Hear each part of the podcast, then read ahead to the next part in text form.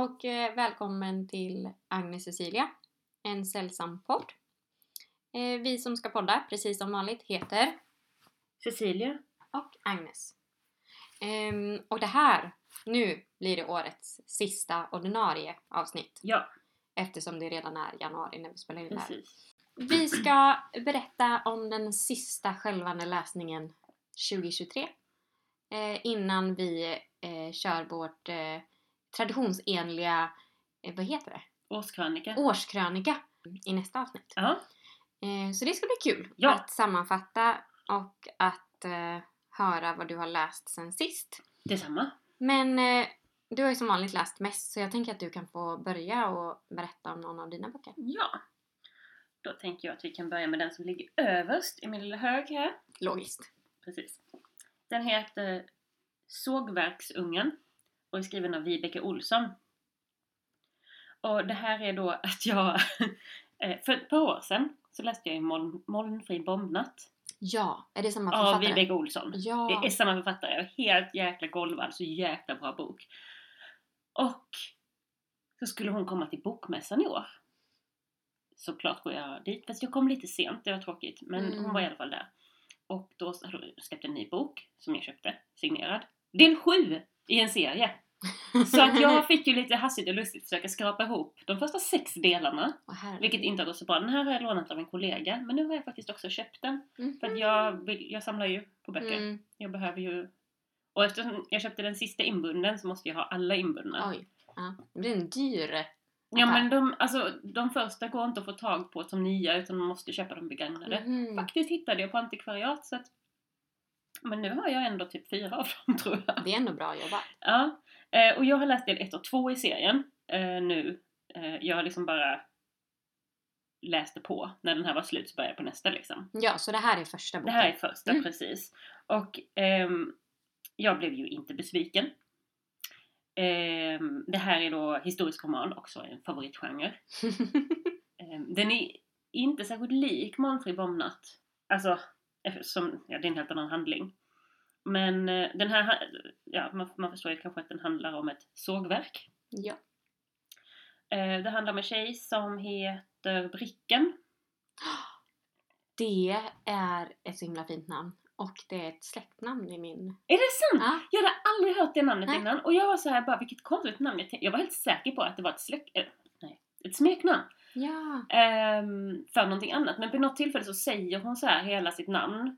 Och då säger hon att hon heter Bricken och det är typ till något officiellt sammanhang. Och så är det någon som kommenterar men det är ett fint namn, det är västerbottniskt eller något sånt. Jaha, gud vad spännande. Vad För min, eh, min mormor heter Bricken i mellannamn. Jaha! Eh, och när vi fick barn så var vi ändå inne på Bricken men sen har jag en väldigt dålig relation till min mormor. Så Ja. det kändes inte som eh, det ville inte hedra henne på det sättet. Nej jag Men det är ett väldigt fint namn. Ja, ja, det är väldigt ovanligt också. Mm. I alla fall så hon heter Bricken och eh, är 11 år i den första boken. Hon bor med sin mamma och pappa på ett sågverk. Då hon och pappan jobbar där. Hon har precis själv börjat jobba liksom. Är Okej. väldigt stolt Ja. över eh, sitt jobb då som hon har som 11-åring. hon har också jobbat extra sedan hon var typ 7 för det Ja. gör ju barnen där. och eh, men de, hon har väldigt, eh, det handlar om hennes liv där helt enkelt. Den utspelar sig väl under kanske år tror jag. Och den här serien om henne den gör liksom nedslag i hennes liv. Så i den här första är hon 11, i nästa bok är hon 14. Okej. Och nu har jag börjat på bok 3 och då är hon 19. Ja. Så det går, sen vet jag den sista som jag har tror jag att hon är typ 65 eller något sånt. Mhm. Så det ska, och det ska skildra liksom hela, alltså det är så arbetarnas historia Ja. typ. För i den här första boken, de bor i Sundsvall Mm. och de jobbar på eh, ett sågverk då som heter Svartvik som tydligen har funnits på riktigt som jag förstår Okej. det hela. Eh, och eh, då, eh, det året då när hon är 11 år, jag tror det är 1879, Ja. så blir det strejk på sågverken i Sundsvall för att lönerna har sänkts. Mm. Eh, och folk har inte mat. Och det, är, det finns inga fackförbund än. Det har Nej. liksom inte kommit igång och de jobbar från sex på morgonen till åtta på kvällen eller något sånt. Sa du vilket år typ? 1879 tror jag det ja. Och eh, ja men liksom Nej, de är ju mer eller mindre livegna. Mm. Bricken ser ju inte det för att hon är uppvuxen där. Hon Ja. har, och föräldrarna har kommit dit från Västerbotten då där de bodde innan. Mm. Och innan de flyttade dit, de kom dit när hon var bebis. Så hade de tre barn till men som dog i den här svälten som var på Mm. 1860-talet Mm. innan hon föddes då.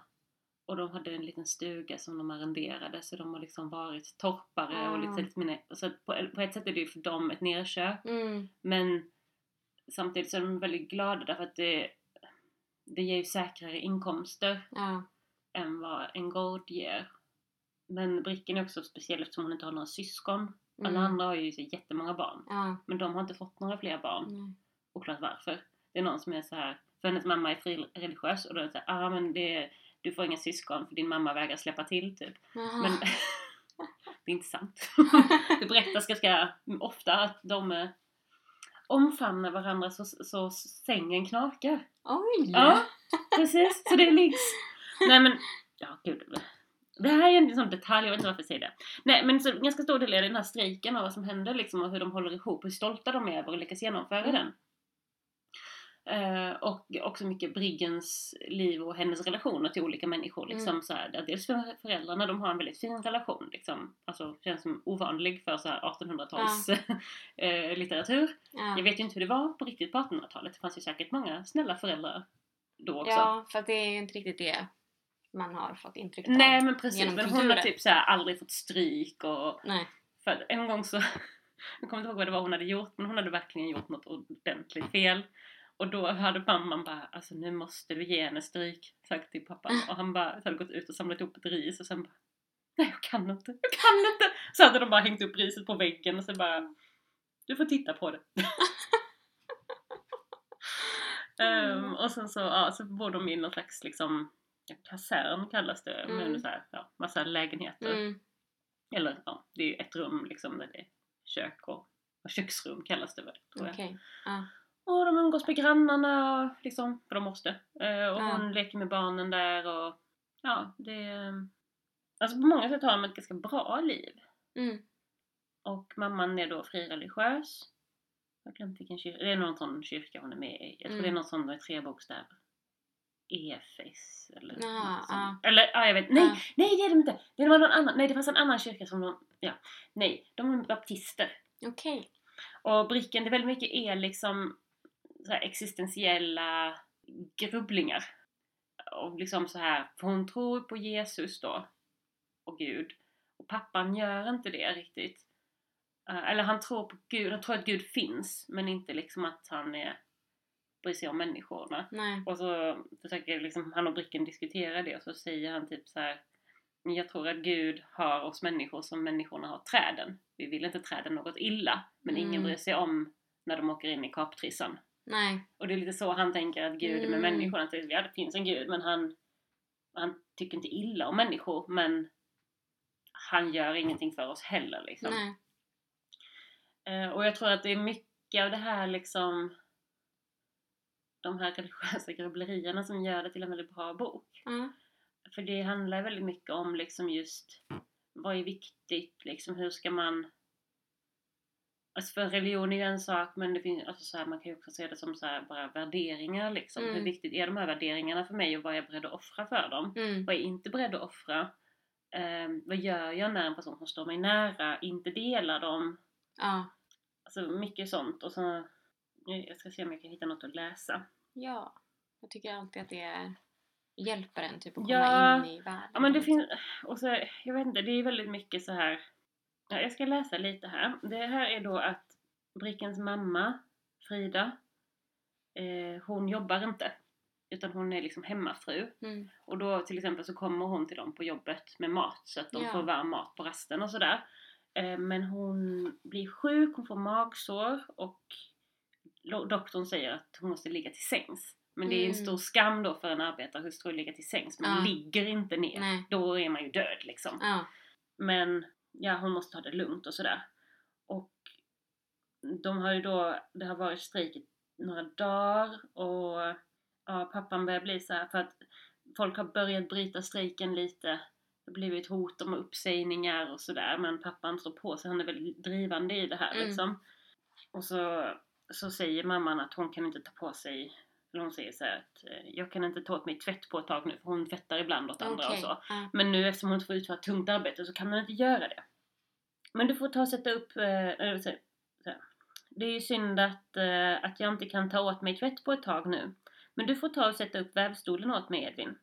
Så fort det blir vardag. Jag kunde väva lakan och handdukar åt fru Stakell. Kanske klänningstyg åt pigorna. Själv har hon väl bara köpetygskläder.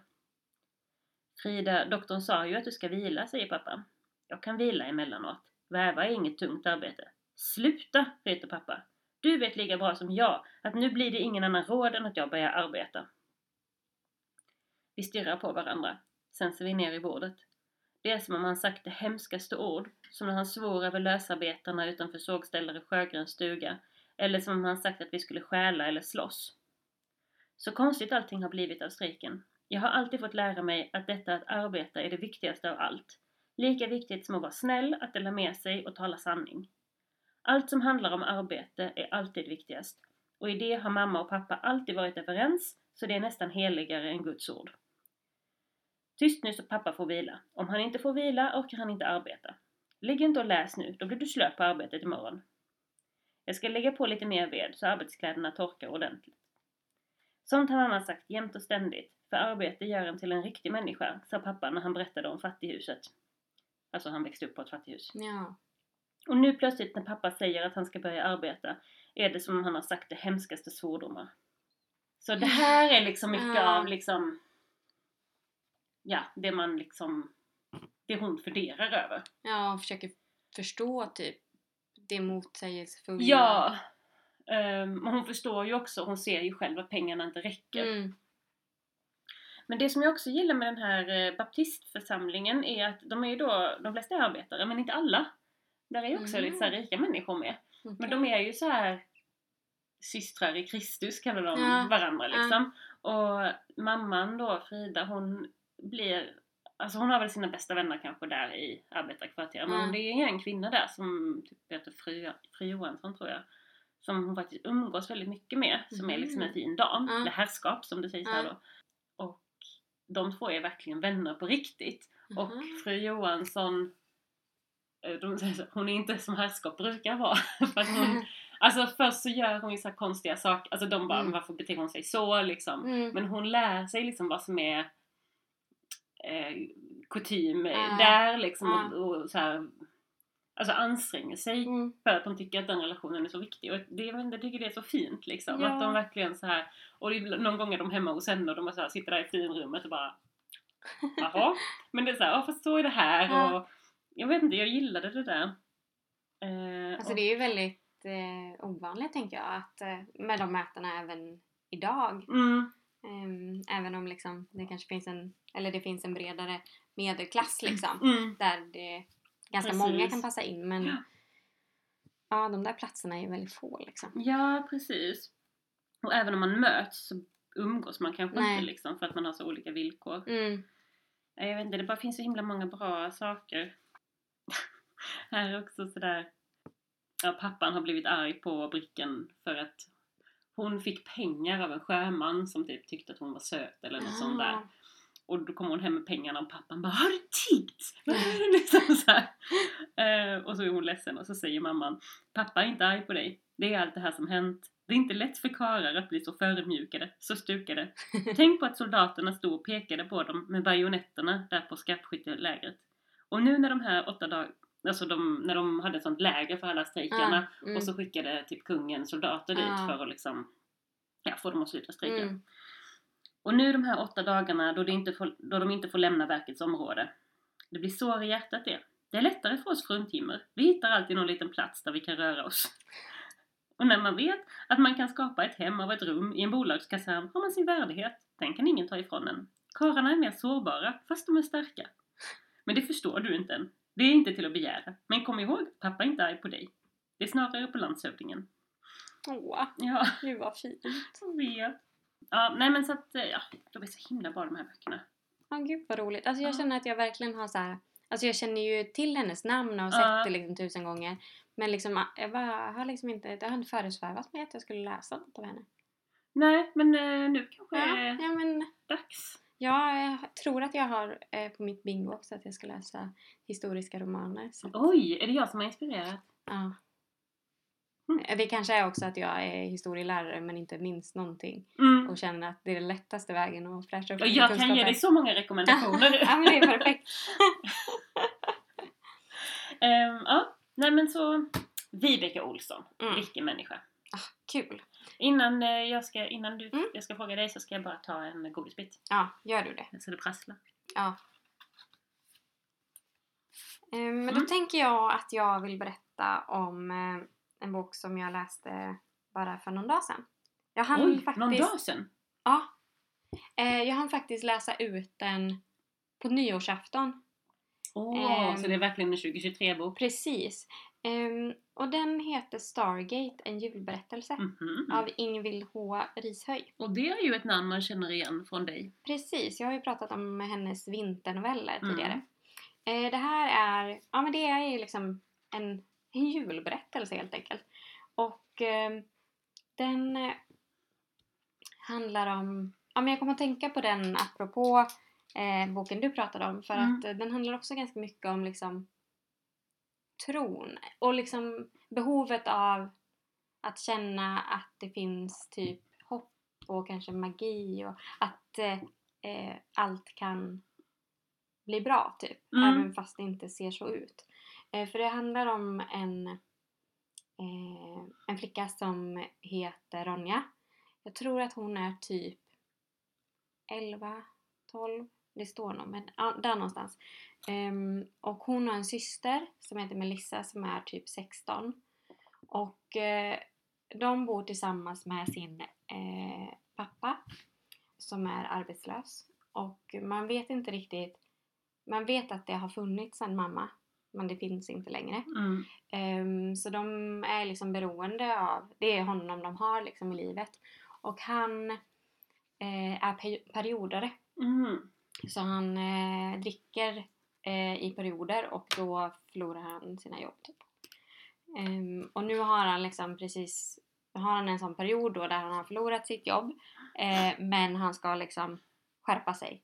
Så han har slutat att dricka och då så får Ronja då, det yngsta barnet, tips från eh, vaktmästaren på sin skola. För de hänger alltid eh, tillsammans på rasterna. Eh, Ronja och vaktmästaren. Jaha! Eh, För vaktmästaren hänger typ på något ställe och där får egentligen inte barnen vara. Mhm. Men han liksom han vet typ hur Ronja har det hemma Mhm. så att han säger ingenting och så har de liksom en, en jargong som är väldigt fin. eh, för han är liksom invandrad från Mellanöstern någonstans tror jag. Den utspelar sig i Norge. Ja. Ja men så han är ju också långt ner på samhällshierarkin på något sätt. Mm. Och det är ju Ronja också fast på ett helt annat sätt. Mm. Eh, och då tipsar han i alla fall om att eh, det söks folk till att jobba med julgransförsäljningen. Och Mhm. bara såhär, du kanske ska ta en sån här lapp till din pappa typ. Och då gör hon det och eh, pappan får, får jobbet. Mm. Och liksom får ju plötsligt en lön, han verkligen lever upp och så här, kylskåpet fylls på med mat. Han, han blir så glad och rolig som han brukar vara. Och, och liksom allt blir plötsligt mycket bättre liksom. Men sen så mm, en dag så kommer en av hans superkompisar och knackar på och är så här.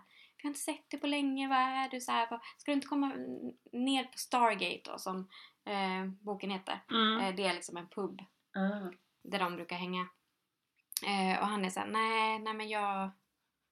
Nej men jag har typ slutat med det, typ så här.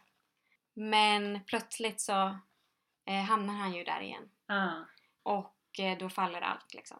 Så han förlorar det här jobbet Mm. också. Eh, och då är det som att Melissa som är liksom stora systern som också är så här. Hon är ju den som får ta ansvar i familjen. Men hon är också den som så här. Hon vet ju liksom hur det kommer bli. Mm. Eh, Så hon har ju varit beredd på det här på något sätt. Och, nu är hon så här: nej, det där jävla jobbet, det ska stanna i familjen. Och så bara så här, typ eh, fixar hon till, sminkar sig och klär upp sig så här, och så ska hon gå till pappans chef och liksom behålla, se till att hon får det här jobbet istället. Ah. Och jag som är dålig på att läsa mellan raderna då, vet inte om eh, vad som egentligen händer. Mhm. Men eh, hon får jobbet. Mm. Men jag blev så här. var det som att hon fick eh, erbjuda någon typ av sexuell tjänst här i Okej. utbyte? Det fanns någon Eller- känsla där eller? Jag fick lite den känslan, men jag vet inte om det Nej. är så. Eh, men hur som helst så får hon i alla fall jobbet. Och hon, eh, den här chefen är liksom så här, jag gör dig verkligen en tjänst nu som ger dig det här jobbet trots Mm. att din pappa har fuckat upp allting. Och, ehm, och jag anpassar eh, arbetstiden efter att du går i skolan. Så hon går liksom hon öppnar den här julmarknaden på morgonen innan Mm. skolan, sen går hon till skolan och sen går hon hem från skolan och eh, är på julmarknaden och sen stänger hon den. Liksom. Fast det är ju egentligen ingen tjänst. Mm. Utan hon får ju liksom bara det värsta. Att sätta upp allting när det är svinkallt i Ja. december och ja, så. Men hon behåller i alla fall jobbet i familjen och Ronja då, yngsta barnet, hon liksom, hennes dröm om att få en riktig julgran Mm. hålls liksom vid liv. Mm. Och det är liksom det som är typ den röda tråden i Mhm. berättelsen. Att den så här, hon vill ha en riktig julgran för då det får symbolisera på något sätt eh, att familjen håller ihop och Mm. att de mår bra liksom, att allt kommer att ordna sig. Och det är en jätte, alltså den, den är så fin! Eh, och så jävla sorglig! Mm. För det är också lite som med det du läste upp där liksom att man får man, Det berättas ju liksom utifrån ett barns perspektiv liksom. Och det är så jävla ont för att barn är så lojala med sina föräldrar. Mm. Och det är liksom, ja men den här logiken liksom. Barnlogiken som är så självklar och så fel samtidigt. Mm. ehm, är så väldigt hjärtskärande. Ja. Ehm, men som i alla, eller alla, men de texter som jag har läst av henne, Mm. ehm, hon är väldigt inspirerad av liksom sagogenren. Eh, H.C. Andersen och sådär. Mm. Eh, och ehm, så det finns alltid liksom det här eh, hoppet och magin och också så här snälla människor. Mm. Alltså mitt i allt så finns de här lite oväntade snälla människorna. Bland annat så är det liksom en som heter Tommy som är liksom någon slags arbetsledare på den här julmarknaden. Som i början verkar ganska osympatisk. Mm. Men sen växer liksom i boken. För att han, eh, hans tjej eh, väntar barn. Mm. Så han behöver verkligen få in pengar typ. För de behöver ha mer Mm. pengar för att kunna eh, ja, för att kunna försörja sin familj liksom. Mm. Eh, och då, då kommer han på att så här, ja men så här, hur får man in, hur får man folk att liksom vilja köpa någonting eller liksom ge bort pengar? Mm. Jo, så här, magra fattiga barn. Och så bara ser han Ronja och bara Du är mager! Så här, dig ska jag ha! Så, det är ju, så han liksom tar in henne som Ja. barnarbetare. Ah. Eh, och det är ju inte så sympatiskt egentligen. Nej. Men då säger han så här typ, ja men då får jag provision om jag säljer sån här julpynt, alltså typ Ja. kransar och sånt. Eh, och då får ni en del av det, för ni behöver också pengar. Eh, det roliga är bara att Ronja då tar honom på orden, det här med att liksom fattmaga fattiga barn. Så hon går liksom ut där på liksom, utanför mataffärerna där Mm. de säljer granarna och bara så här. eh, Stöd fattiga barn! Stöd fattiga barn! Typ. och då tror ju alla att det här går till liksom någon välgörenhet. Typ. Ja. Eh, men det är ju bara den liksom Ja. vanliga försäljningen. Ja. Och sen kommer det här fram till chefen liksom. Mhm. Eh, För han får höra det via omvägar. Typ, Ja. ja. men vad fint att ni så här, stödjer fattiga barn. Och han bara, Va? vad pratar ni om? eh, men, men då liksom tar den här Tommy dem lite under sina armar Mm. på sitt väldigt tafatta sätt. Liksom. Eh, och det är väldigt fint. Ja. Men jag tänkte också att jag skulle läsa någonting. Jag skulle vilja ha med den här eh, vaktmästaren. Eh, för han är så himla fin. Ja men här kan jag läsa. Det här är eh, precis i början av boken. Mm. Ehm, och det är då när vaktmästaren och Ronja eh, möts på skolgården och eh, han tipsar om det här jobbet. Står du här du? sa vaktmästaren. Han ställde sig framför sin portstolpe. Han tog upp cigarettpaketet ur fickan. Och jag stod där jag alltid stod. Jag svarade det jag alltid brukade svara. Ja, svarade jag. Du vet att det inte är tillåtet, sa vaktmästaren. Då svarade, det jag hade lä- då svarade jag det jag hade lärt mig av pappa. Regler är till för att brytas, svarade jag. Det snöade lite. Bakom oss ropade någon Elle belle bi, nu är du fri. Vaktmästaren kurade ihop sig och fick eld på cigaretten. Så tog vi resten av vårt samtal. Du vet att det inte är tillåtet, sa jag. Regler är till för att brytas, sa vaktmästaren. Har du gett bort all din mat nu igen? Jag nickade. För ekorren hade redan varit där. Töjens enda ekorre och finaste. Den visste när det var lunchrast och då kom den. Vaktmästaren höll cigaretten mellan läpparna och tog upp matpaketet ur fickan. Han vecklade upp folien och delade böreken mitt i tu och räckte mig halva. Det ångade om den. Hans fru var så bra på att packa in. Det är the circle of life, sa vaktmästaren. Du ger e- ekorren, jag ger dig. Vad är the circle of life? Sa jag. Filosofi, sa vaktmästaren. Här är jag vaktmästare, du vet. Men i hemlandet var jag en stor tänkare. Han vände sig om och blåste röken bort från mig. Det är det som är så bra med att vara invandrare, sa han. Du kan alltid berätta vad det var i hemlandet. Men ljuger du, sa jag. Aldrig, sa han. Eller faktiskt, i hemlandet var jag en av landets största lögnare. Jag vann en tävling. Nationella lögnmästerskapen. Oj, sa jag. En annan sak, sa han. Har du sett den där lappen där? Och han pekade med cigaretten mellan fingrarna. Julgransförsäljare söker, stod det. Du är plikttrogen, ansvarsfull, van att ta i. Den hängde på en lyktstolpe. Nederst satt det remsor med telefonnummer på. Kanske det kunde vara något, sa vaktmästaren. Jag tror inte man får jobb när man är tio år, sa jag. Jag tänkte inte på dig, sa vaktmästaren. Han gick bort till stolpen och rev av en remsa och kom tillbaka och lade den i min hand. Visa den för din far, sa han. Snöflingorna smälte runt remsan.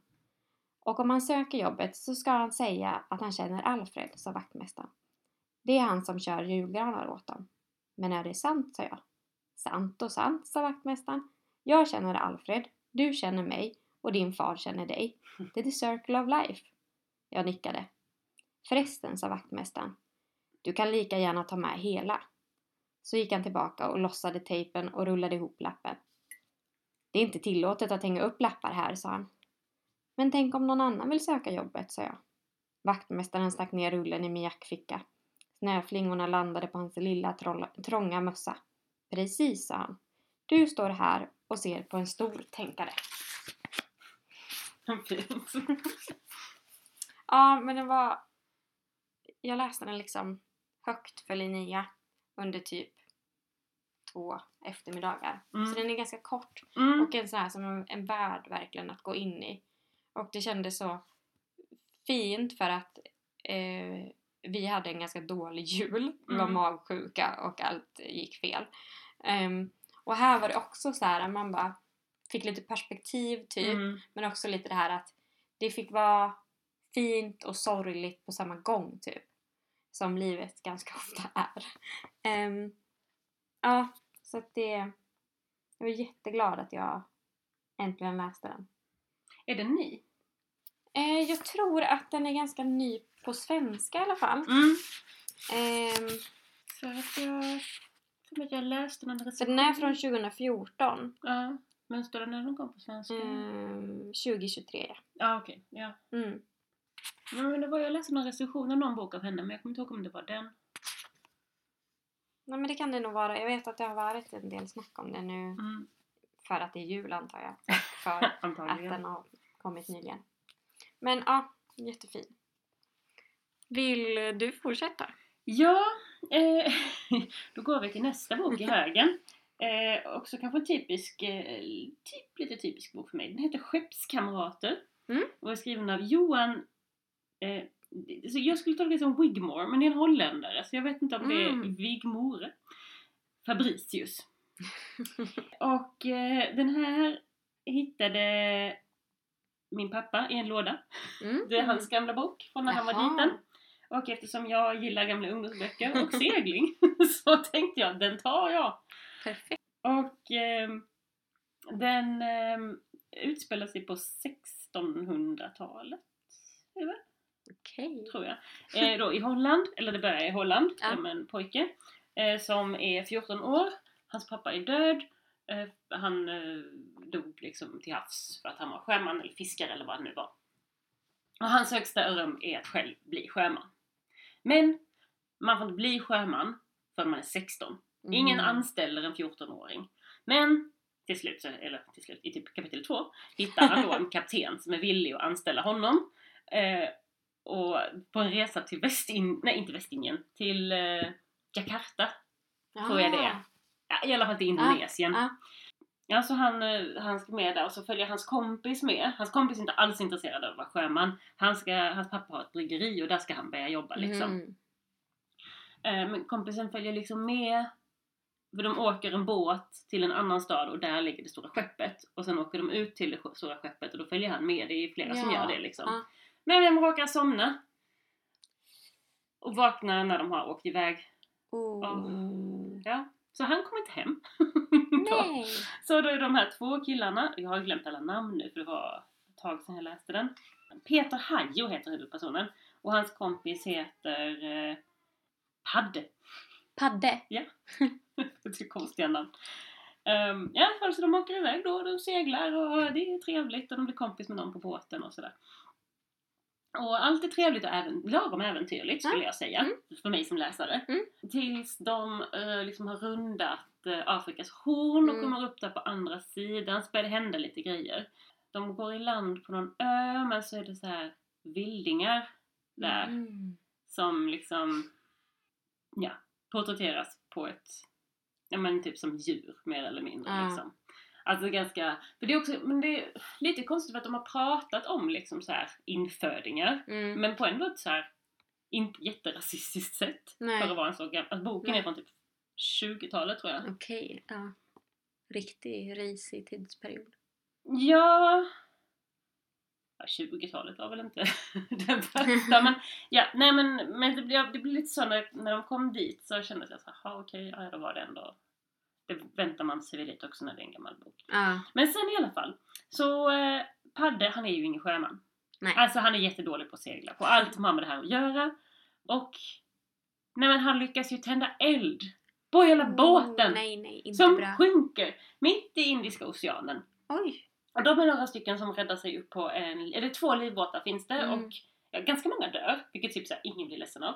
Men, Lite svinn och ja, sådär. men det känns lite så, så här, det bara, ja ja, då vi, vi åker vidare för att få Ja. livbåtar här. Och till slut så kommer de i land på, om det är Sumatra tror jag. Mm. Och ja, så ska de försöka, jag vet inte, skaffa hjälp eller så blir det någon som blir tillfångatagen av någon, någon folkgrupp som bor där. Om det är Padde. Eller ja, någon de kom, de är liksom ett gäng, de heter ju Skeppskamraterna. Så det är, ja, och så, och det är typ efter halva boken. Och jag bara, det är väldigt mycket bok kvar och väldigt lite Ja. segling. Ja.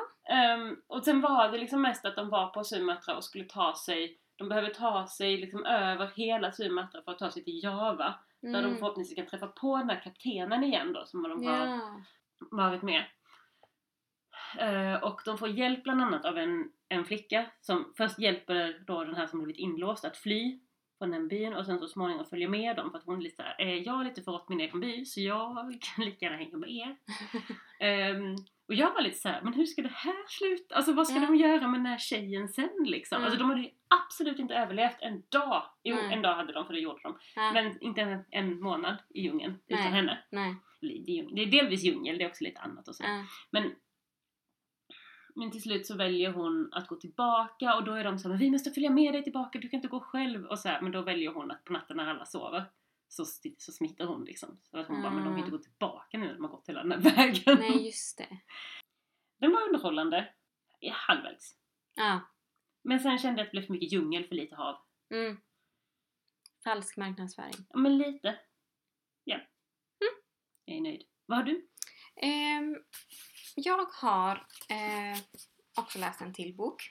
Jag kom på att eh, den, min tredje bok är ju faktiskt från i, eh, 2024 så den kanske jag tar nästa avsnitt. Ja, okej. Ja, det, du men så eh, dagens sista bok eh, för min del då är en novellsamling Mhm. eh, som heter Sju tomma hus av Samantha Samantha Schweblin. Ja, vet du vem det är? Ja, jag vet inte varför jag blev så oerhört exalterad av hennes namn men vi läste henne när jag läste spanska så fick vi läsa någon novell av henne och sen var det som att jag... Jag vet inte. Jag, jag, jag tror, måste jag ha gillat den där novellen? Ja, Eh, för att, och sen så lånade jag någon roman av henne på bibblan och Mm. läste som också var en skitkonstig roman. Ja, men för hon är ju en eh, argentinsk författare Mm. eh, som har skrivit eh, framförallt mycket noveller som Mm. jag har förstått det. Ehm, och den här, ehm, som titeln då antyder, Sju tomma hus, så alla noveller handlar på något sätt om hus. Mhm. eh, eller platser. Och eh, de är jättefina och så här lite kufiga. Alltså det Mm. handlar mycket om så här lite märkliga människor som man ändå typ känner väldigt starkt för. Okej. Mm. Eh, de gör så här lite irrationella grejer och ställer till det och så här, men man, men man fattar typ att så här, det här är inget ont Mm. i de här människorna. Ja. Eh, bland annat så är det en novell som handlar om en kvinna och hennes barn som liksom de åker runt på kvällarna i typ ett lite rikare villaområde eh, område och eh, typ går in i folks hem och möblerar om. Och det är inte som ett prank typ Nej. utan det är bara som att hon, den här mamman har liksom någon slags tvång, eller jag vet inte. Hon är en, en hemlig inredare. Ja. Ehm, och, och barnet förstår ju typ inte riktigt. Det bara hänger på ju Mm. liksom. Nu ska vi göra den här grejen vi alltid gör på kvällarna typ. Ehm, så det är en novell. Och en annan novell handlar om en, det är två grannar där det ena eh, paret har förlorat sitt barn. Och varje dag så, eller så här, kvinnan i det paret eh, vill liksom att eh, de ska slänga barnets kläder. Men Mm. mannen kan inte med och göra det. Så han sparar dem och varje dag så öppnar kvinnan garderoben och ser barnets kläder och liksom tappar det. Mm. För det är liksom, hon påminner sig om sorgen. liksom. Mm. Så då slänger hon ut alla kläder över grannens trädgård. Mhm. Och så får mannen gå över till grannen, knacka på och bara Hej, jag ska ta rätt på kläderna. Mm. Eh, och det är liksom det som han, och det är så jävla hjärtskärande också. Vad hemskt. Eh, också himla... Men jag tror att det är beskrivet så konkret Mm. ehm, som gör det så starkt. Ehm, att det är liksom det här, ja men hur, hur lever folk verkligen med sorgen till exempel Mm. och förlusten efter ett barn? Jo, det är det här som händer varje dag, om och om igen. Mm. Eh, och det finns ingen enkel lösning Nej. på det liksom. För han har ett behov av att spara kläderna och Mm. hon har ett behov av att de Ja. försvinner. Liksom. Sen är det en text som, som jag inte minns just nu men som var så himla fin och sorglig. Jag tror att det var en kvinna som hade separerat. Och så ger hon sig ut liksom vid stan bara och går. Och sen sätter hon sig ner på en bänk. Mm. Och så bara så här äh, tittar hon ner på den här bänken och bara så här eh, 40 kvadratcentimeter heter novellen. Hon bara tittar ner och bara så här ja 40 kvadratcentimeter det är typ den plats jag upptar i världen. För det är den liksom så mycket Ja. bänkyta typ. Och det är också så här man bara Aj! Och, och samtidigt jag kan verkligen känna igen det. Att, att Alltså den att här man är känslan... så obetydlig Ja men sätt. precis, att så här, och hon har väl liksom så här fostrat en massa barn och tagit hand om ett hem och sen så bara spricker allt. Ja. Vad har hon kvar? Jo hon har liksom kvar sig själv Mm. och den här känslan av att ingen kommer sakna mig och ingen kommer ens märka att jag har varit här. Nej. För jag upptar 40 kvadratcentimeter. Liksom. Nej men så eh, jättefina noveller. Ja, Och jag kände inte till henne innan. Eh, utan jag fick den här boken. Så jag blev jätteglatt överraskad. Jag hade liksom inga förväntningar. Och så, och det är också med noveller. Mm. Alltså jag läser väldigt mycket noveller Ja. just nu. Eh, men det är ganska sällan jag blir berörd. Mm. Ehm, jag blev ju jätteberörd när jag läste vinternoveller av Rishöj. Mm.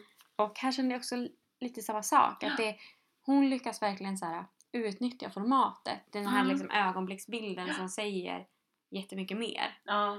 Medan många andra blir bara som en kort historia. Mm. Och då blir det så här, fast nu hann jag ju inte lära känna de här karaktärerna Nej men precis. Och det är verkligen en konst det. Ja, ja verkligen. Jag ska se om jag kan hitta någon. Jag kanske kan läsa ur den här äh, 40 kvadratcentimeter. Någonting. Just det. Jag kan läsa här.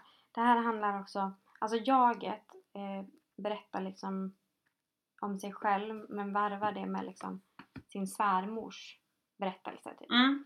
Ehm, eh, så här eh, berättar hon då vad svärmodern har berättat för henne. Det första min svärmor berättade var att hon hade stått hemma i deras matrum. Hennes man var på jobbet, men han skulle snart komma hem. Hennes fyra barn var också ute. Ett av dem var och jobbade med pappan. De andra var iväg och pluggade. Kvällen innan hade hon återigen grälat med sin man och hon, och hon hade sagt att hon ville skiljas. Det var ett stort hus och hon hade tappat kontrollen över det.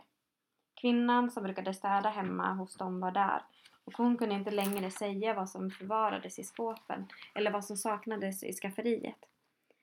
Vid middagsbordet brukade barnen skratta när hon åt. Om det var kyckling gnagde hon girigt på benen. Om det blev efterrätt tog hon dubbel portion. Hon drack vatten utan att ha tuggat ur. Jag är väldigt ensam, hade hon tänkt. Och mina barn litar bara på sin pappa. Och sen så fortsätter det. Den dagen stod alltså min svärmor i matsalen. Hon betraktade sina händer och bestämde sig för vad hon skulle göra härnäst. Hon tog sin kappa, sin handväska. Hon gick ut och tog en taxi till Calle Libertad. Det ösregnade, men hon kände att hon inte just nu att hon inte i just det ögonblicket gjorde det som hon var tvungen att göra skulle det aldrig hända.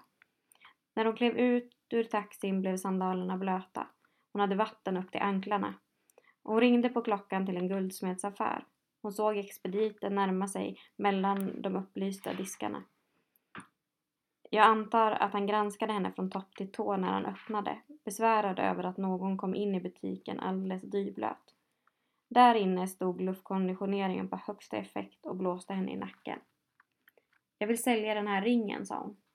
Hon trodde att den skulle vara svår att få av eftersom hon hade gått upp mycket i vikt, men hon var genomblöt och ringen gled av utan problem. Mannen ställde fram en liten elektrisk våg. Ni kan få 30 dollar för den. Det dröjde några sekunder innan hon svarade. Det är min vigselring. Och mannen sa, det är vad den är värd. Mm. Apropå vara värd lite.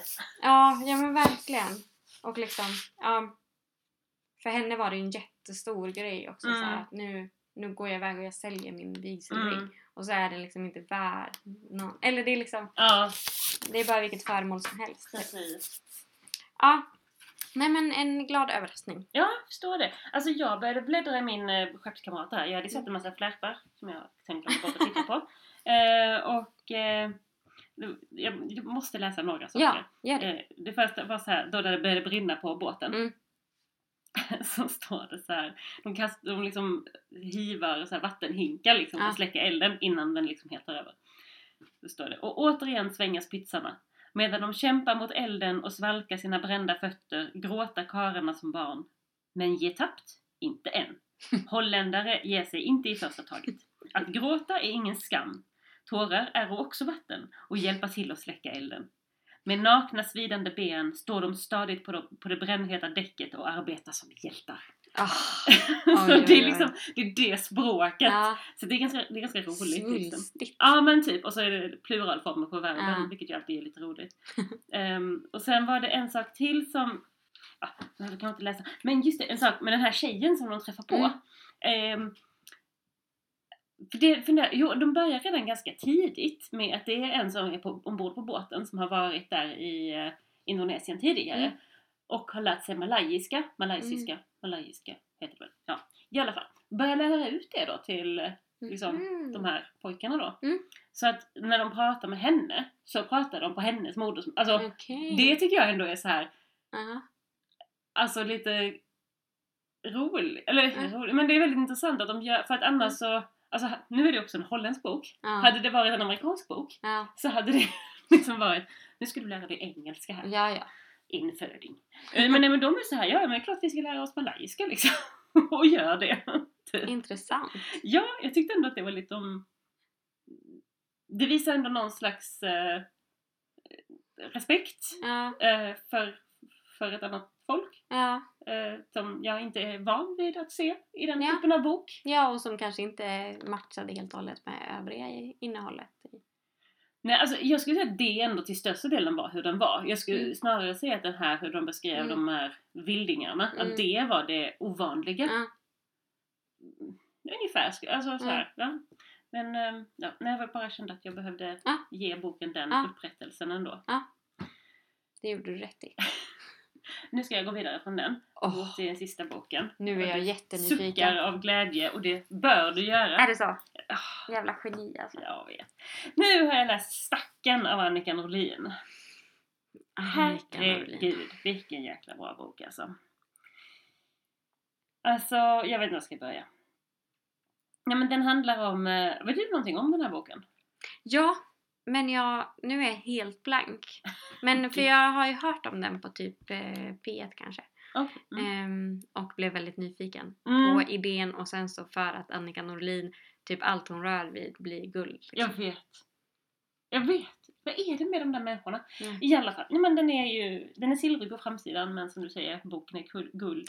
nej men den handlar om, eh, vad ska man säga, huvudpersonen, eller det som man från början tänker i alla fall är huvudpersonen är en kvinna som heter Emily som bor i Stockholm, tror jag.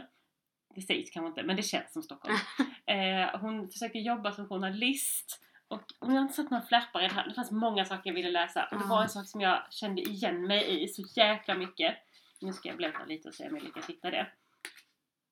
Ja, det här. Det är liksom, hon skriver typ som en dagbok eller loggbok eller Ja. någonting. Det står det så här, Emily, våren 2023.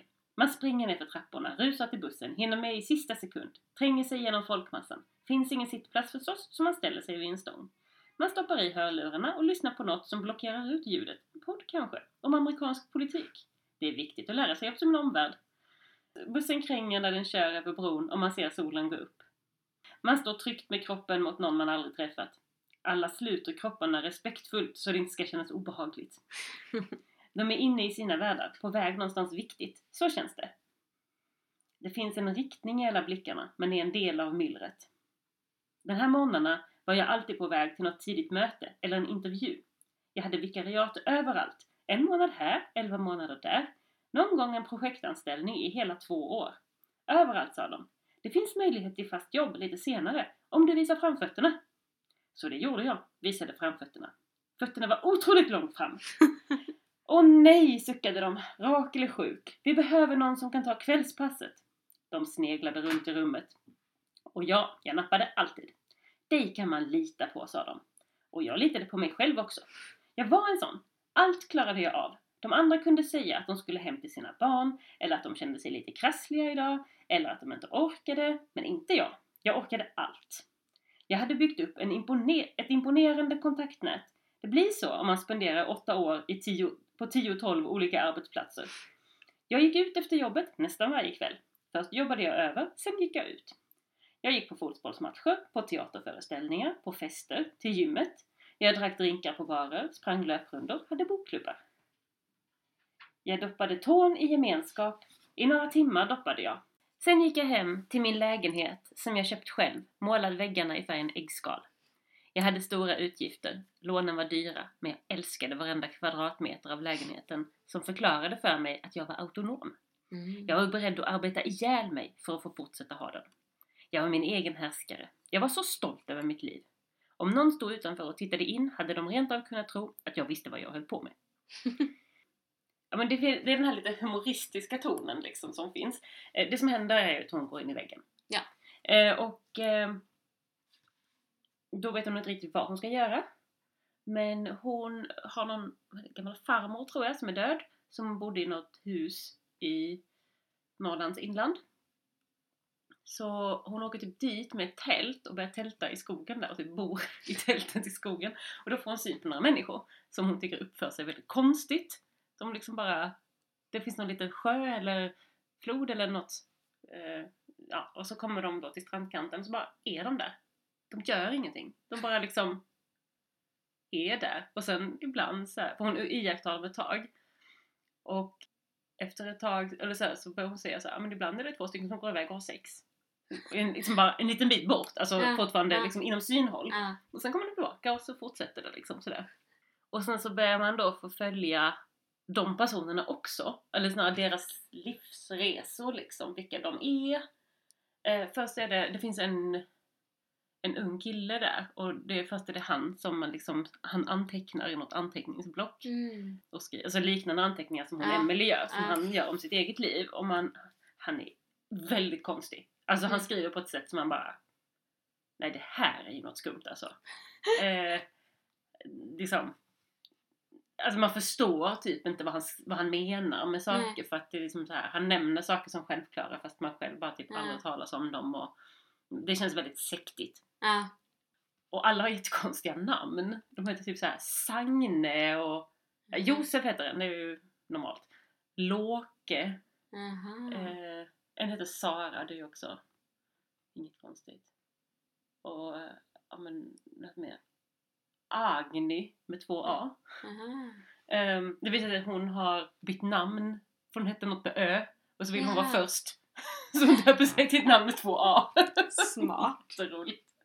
Ja i alla fall. Och så, så på olika sätt så får man då följa deras livsresor. Hur de på olika sätt har lärt känna varandra. Mhm.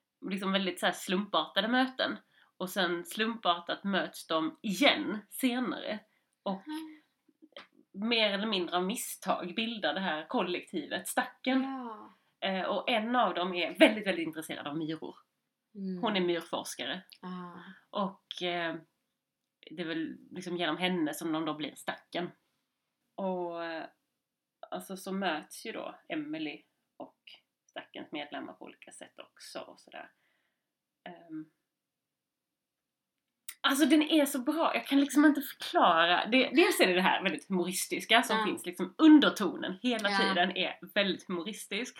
Och sen är den också så superallvarlig och tar verkligen upp så här svåra saker. Alltså alla de här människorna är liksom lite stukade av livet på olika Ja. sätt. De har liksom flytt, vad man ska säga, till stacken Mm. för att någonting har hänt. Och sen är det som att det är lättast att stanna kvar där. Så istället för att ta tag i de problemen som man har Mm. så stannar man där istället. Liksom. Ja. Ja, nej, jag vet inte, jag kan inte förklara den. Utan att heller liksom... Jag vill inte spoila den för jag, Nej. jag tycker ändå att det är liksom en viktig grej att man inte riktigt vet vad som ska hända. Mm. Du har Mm. köpt en bok. Förlåt mig. Ja, och du har den signerad Ja, givetvis. Någonstans. Var vet jag inte riktigt. För att nu hittar inte. Ja. Herregud. Det här är ju ett bokmässefynd. Ja. Och vad fin den var på insidan också. Ja, Försättsbladet. ja, men eller hur? Det finns en teckning. Här ser man hur Emily Ah, spanar spanar. Oj, vänta. Så. När de står runt elden vid en... Det det, är inte flod, älv heter det. ja, det, det ser ju väldigt sektigt ut. Ja. Eller hippieaktigt. Men gud vad spännande. Också väldigt så här eftertänksam liksom. Mm. Och mycket sådär. Alltså hur behandlar man andra människor? Vad har andra människor rätt till och inte rätt till? Och hur ska man leva sitt liv och att man blir så en konsekvens av typ sina föräldrar. Ja, Alltså, hatar det. ja nej men liksom att så här du växer, typ Josef till exempel, Mm. hans föräldrar är judar som har överlevt förintelsen. Mm. Så det påverkar ju honom väldigt mycket Mm. för hur, de uppfostrar honom Mm. och vad som, hur, hur saker fungerar i hans familj. Medan Agni, Agni, Mm. man nu ska uttala det, eh, kommer från en väldigt trasig familj och liksom Mm. hon är missbrukare eller hon sitter, har i alla fall suttit i fängelse. Mm. Det har ju sig Sara också. Men eh, de träffades i fängelset. Okej. Det var Ja. deras liksom, gemensamma. Men jag tänkte lite på när du berättade liksom om ja, men hur Emily, Mm, hur det kommer sig att hon hamnar där. mm, Tänkte jag lite på den novellen i, i Annika Norlins novellsamling. Hon, Gå. hon som börjar gå. Ja, Och bara fortsätter gå liksom. ja men precis. Det är någonting med det där Ja, som och är, den så är så lockande. bra. Ja. Ja, nej men alltså. Det här kände jag. Ett, det skulle vara en jättebra bokcykelbok. Mm. Två, jag ville typ läsa om den direkt. Shit. För att det var så här, man får en massa förklaringar, Mm. eller inte förklaringar, men en massa grejer som kommer på slutet. Så blir Mm. man så här, men hur var det? Så jag bläddrade ändå tillbaka Mm. ibland för att kolla upp Mm. saker och så. Men jag känner som att jag skulle vilja läsa den igen. Nu när jag vet hur det slutar. För att få liksom en annan upplevelse av den. För det känns som så här. Jag vet inte. Svaret på en massa frågor på något sätt. Ja. Så, ah, gud vad... jätte, jättebra. Och väldigt lätt att läsa. Så den är Ah. ändå Den är tjock. 350 sidor eller något Ja. men det liksom swishade ju liksom förbi Ah, på ett par dagar. Jag kanske måste få låna den av dig om du Mm. inte ska läsa den. Uh, Annars får jag får jag... läsa den igen. Ja, Ja, jag nej, kan men låna du, den på biblioteket. Du kan också få låna den av mig så kan jag Mm. läsa den sen när jag får tillbaka den. Det låter bra. Men ja. hörru du, du, har du något mer du vill berätta om? Eh, nej, alltså jag har läst, eh, jag, har, jag kan säga så här. Jag har läst eh, Hercule Poirot, Mm. eh, Hercule Poirots jul av Agatha Christie. Det är min bokcirkelbok, vi ska bokcirkla imorgon. Ja. Den var jättedålig. Tyvärr. Jag kan eh, gå mer in på det en annan gång. det är du välkommen att göra. Ja. Eh, sen har jag läst andra saker också men ja. Men eh, då så. Eh, Ska vi liksom eh, eh, Avrunda detta. ja, Ja. säga så? Gör vi. Då säger vi så. Tack för att ni har lyssnat. Ja, tack så mycket. Vi hörs när det blir årskrönika. Det gör vi. Hejdå!